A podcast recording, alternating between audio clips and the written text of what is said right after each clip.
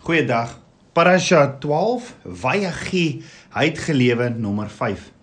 In Genesis 50 vers 24 staan en Josef het aan sy broers gesê: "Ek gaan sterwe, maar God sal gewis op julle ag gee en julle uit hierdie land laat optrek na die land wat hy aan Abraham, Isak en Jakob met 'n eed beloof het."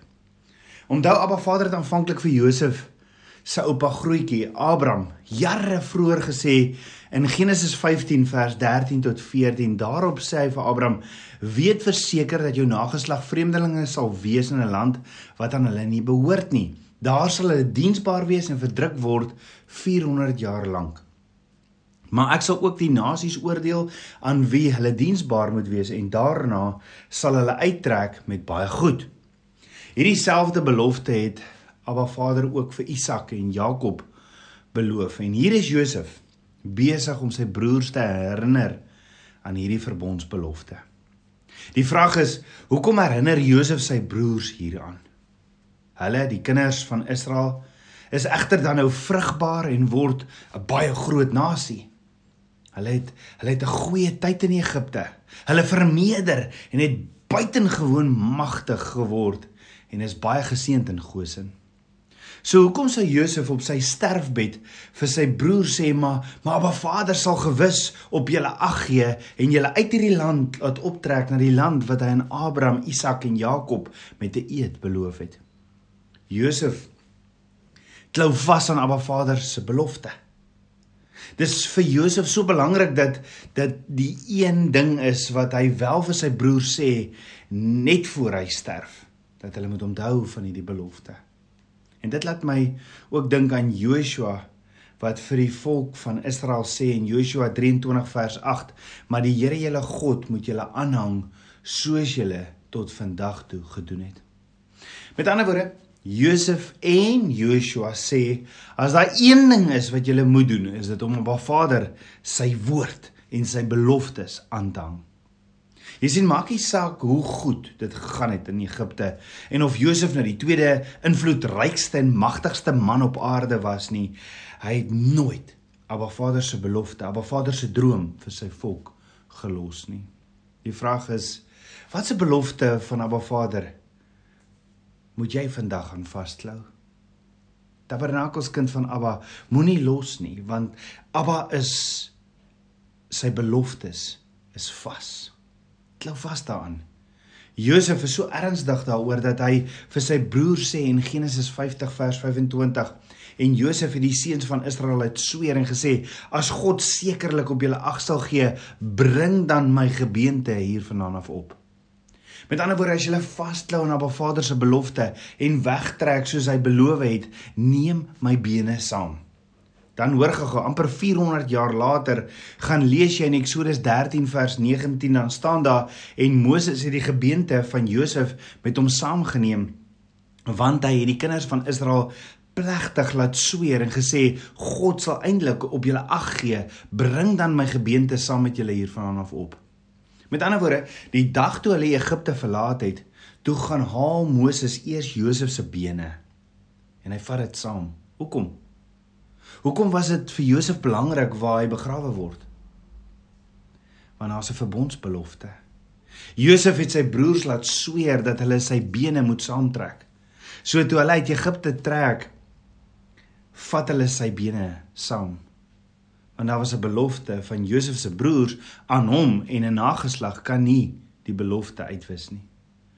Soos wat Josef vasgeklou het aan Abba Vader se belofte, so het Josef se broers ook en aan die en aan die belofte wat hulle aan Josef gemaak het. En net soos wat Abba Vader sy beloftes eer waaraan ons vasleef, so moet ons ook beloftes wat ons maak aan hom eer. Tabernakelskind, wat se beloftes het jy aan Abba gemaak wat jy dalk al bietjie van vergeet het? Maar vir 40 jaar trek hierdie Israeliete deur die woestyn toe hulle eventually uit die uit die Egipte uittrek, trek hulle uit die trek hulle deur die woestyn met Josef se bene. En hoekom is dit so belangrik? Want is ook hierdie geloofsdaad van Josef wat soos al die ander geloofshelde in Abba Vader se holle af 5 opgeskryf is Ja, Hall of 5 in Hebreërs 11. Hebreërs 11 vers 22 sê deur die geloof het Josef aan die einde van sy lewe melding gemaak van die uittog van die kinders van Israel en bevel gegee aangaande sy gebeente. Met ander woorde Josef se geloof het gemaak dat maak nie saak hoe omstandighede gelyk het nie, sleg of goed. Hy het nooit op 'n Vader se droom of beloftes geloof gelos nie. Hierdie geloof is nie iets wat ek en jy erf of of kan koop nie. Nee, dis dis gegrond in die hoeveelheid tyd wat ek in Abba Vader se teenwoordigheid en in sy woord spandeer. En dis iets wat Josef verstaan het. So wat het hulle toe met Josef se bene gedoen? Is dit enigstens belangrik? Wel, Joshua 24 vers 32 sê in die King James, "And the bones of Joseph which the children of Israel brought up out of Egypt buried them in Sichem." in a parcel of ground which Jacob bought of the sons of Hamor, the father of Sichem, for a hundred pieces of silver, and it became the inheritance of the children of Joseph. Hoor gou-gou. Inheritance in Hebreëus is nagala, wat beteken die gedeelte of porsie in die huis van my vader. Die wortelwoord van nagala is nagal, wat beteken 'n stream of rushing water flowing. Met ander woorde, hierdie erfdeel beteken dis soos 'n stroom of stortvloed van hierdie porsie in my vader se huis wat vloei. Dan as ons gaan kyk na die woord Sichem waar Josef se bene begrawe is, beteken dit in Hebreëus place of burden. Die woord sê Sichem behoort aan 'n man genaamd Hamor. Hamor in Hebreëus is die woord vir 'n manlike donkie. Die grond is by hom gekoop vir 100 stukke silwer. Silwer reg deur die woord verteen verteenwoordig verlossing.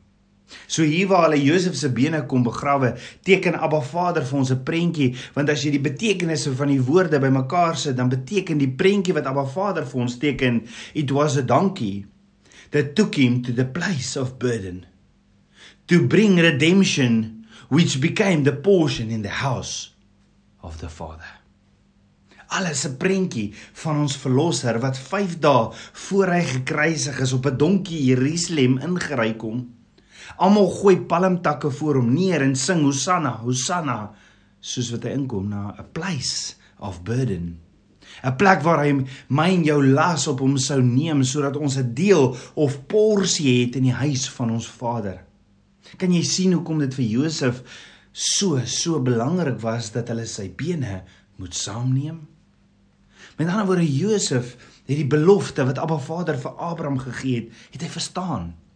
Josef het verstaan dat hulle verlossing lê nie kortstondig in die vleispotte van Egipte nie, maar in die belofte van Abba Vader. Ja, Magosen wat beteken drawing neer in Egipte was Abba Vader se voorsien, voorsiening toe daar droogte was reg oor die wêreld, nê? Nee. Hoe kan Abba Vader se voorsiening en seëninge verander in slawerny? Hoe verander dinge so dat dit dit wat eers Abba Vader se voorsiening was, hulle jare later in slawerny kom bind het? Soveel so dat Abba Vader vir Moses stuur om die Israeliete te kom verlos. Tabernakels kind van Abba net so vandag. Hoe kan dit wat Abba Vader ons mee seën ewe skielik omdraai in iets wat ons vasbind in slawerny. Maar Vader se woord leer ons die oomblik wat jou fokus verander van die een wat seën na die seëninge toe. Jy sien op 'n stadium het hulle gesê dis alles te dank aan Abba Vader dat ons hier in Goshen bly. Hy voorsien, hy het ons gered uit hierdie droogte. Alle eer aan Abba Vader. Paar jaar later is dit ons harde werk, nê? En dit gaan nou so goed met ons hier Jy sien die vyand kom stelselmatig en dan maak hy ander dinge belangriker en belangriker as alleeers die koninkryk van God. Vandag is dit ook so. Ons werke, ons statusse raak belangriker as tyd en afsondering by Baba Vader belangriker. TV raak belangriker as tyd in Baba Vader se woord. Ons spandeer meer tyd op Facebook as in gebed. En die vyand weet presies hoe om ons te bind in slawerny. En as ons nie wakker is nie en, en daadwerklik daaraan werk nie, dan vra ons 'n paar jaar later, maar maar hoe? Hoe het ek so ver van Abba Vader af beweeg? So hoekom gebeur dit? Dis wanneer ons die seëninge najag en nie Abba Vader se teenwoordigheid in alles nie. Wanneer ons die Abba Vader ken in alles nie. Met ander woorde, ek nader Abba Vader vir die seëninge en as ek hierdie seëninge ontvang van hom, dan los ek die verhouding. Ons maak amper met Abba Vader soos ons maak met 'n ATM bankteller. Ons hardloop na die ATM toe in nood vir kontant en dan trek ons die geld en vat die pad tot ek weer die ATM nodig het vir kontant. Nee. Die Abba Vader se lewende God en hy soek 'n verhouding met my en jou. As ons 'n verhouding is met hom, dan dan gaan hy saam met ons oral waar ons gaan. En die seëninge word nooit belangriker as my verhouding met hom soos ek saam met hom wandel nie. Sy teenwoordigheid in my lewe en dat ek hom in alles kan ken, is belangriker mos as die seëninge. Jy sien toe hulle in Goshen kom bly het, was daar al reeds 2 jaar droogte. So hulle het net 5 jaar in Goshen gebly tydens die droogte. Hoekom het hulle nie na die droogte teruggegaan nie? Want dit het te lekker geraak daar. Net nog een aand en een aand het 'n jaar geword en 'n jaar het 10 jaar geword en 10 jaar het 100 jaar geword. Met ander woorde, soos wat hulle gebly het in Goshen het die vleispotte van Egipte net te belangrik geraak. En so sink hulle droom van vryheid in Abba Vader. Abba Vader het geweet. Hy het geweet. En al jare voor die tyd vir Abraham gesê dit gesê dis wat gaan gebeur. Net so los ons die droom wat Abba Vader vir ons het vir kortstondige plesiertjies of vir wêreldse gemak. So hoekom nie vashou en soek vir Abba Vader se wil in sy droom nie? Nie Josef nie, nee. Josef, hy het vasgehou aan Abba Vader se verbond met Abraham en sê: "As lê trek, vat my bene saam." Die oomblik as ons fokus van Yeshua afval, dan val ons soos Petrus en dan en dan kom bind die vyand ons in slawerny. Dis soos hierdie man wat sy wat sy werk verloor het wat elke Sondag kerk toe gaan, elke Bybelstudie toe gaan en vir almal vra om saam met hom te bid vir die werk. Maar die oomblik toe hy 'n werk kry en dit finansiëel baie goed gaan, toe raak hy so besig by die werk dat hy nie meer Bybelstudie of kerk toe gegaan het 'n jaar later nie. En net so werk dit ook in die kerk. Maar Vader gee byvoorbeeld vir jou die gawe van bid in tale. Die woord sê dis die gawe van die Gees. Nêrens staan dat dis jou taal nie. Nee, die gawe is tot glorie van Abba Vader. 'n Paar jaar later skuif jou fokus en jy loop spog by almal oor jou gawe, net om vir almal te wys op watter geestelike plek jou vlakkie jy nou is.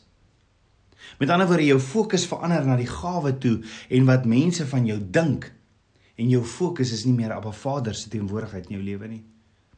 En die oomblik wat jou fokus na jouself toeskuif, is dit hoogmoed. Want in jou wat wat besig is om in jou op te staan en dan kom die vyand en hy bind jou in slawerny. Jy sien by Josef het dit nooit gegaan oor Josef nie. Toe Farao hom uit die tronk gaan haal het, toe sê Josef: "Abba Vader sal jou drome ontleed." Dit was nooit Josef wat Farao se help nie. Nee, Josef was net die instrument in Abba Vader se hande en daarom sê Josef: "Abba Vader sal jou drome ontleed, Farao." Selfs toe hy tweede in bevel was, was sy posisie nooit belangriker as Abba Vader se verbond met Abraham nie. Die oomblik toe die Israeliete se fokus die seëninge word, toe kom bind die vyand hulle in slawerny. So die vraag is waar is jou fokus? Is jou sukses in Egipte of in die droom, die visie en die belofte van Abba Vader? Die keuse is joune. Kom ons bid saam. Abba Vader, skieper van my hart, ek loof en prys U. Vader, kom was my met die waterbad van die woord. Kom was my gedagtes en wys my as daar enige iets is wat belangriker is as U in my lewe. Vader, ek soek alle eers U koninkryk en rig my fokus op U. Ek smag na meer en meer van U. Want Vader, I love your presence. Ek bid dit alles in Yeshua Messie se naam, die seun van Jahweh. Shalom.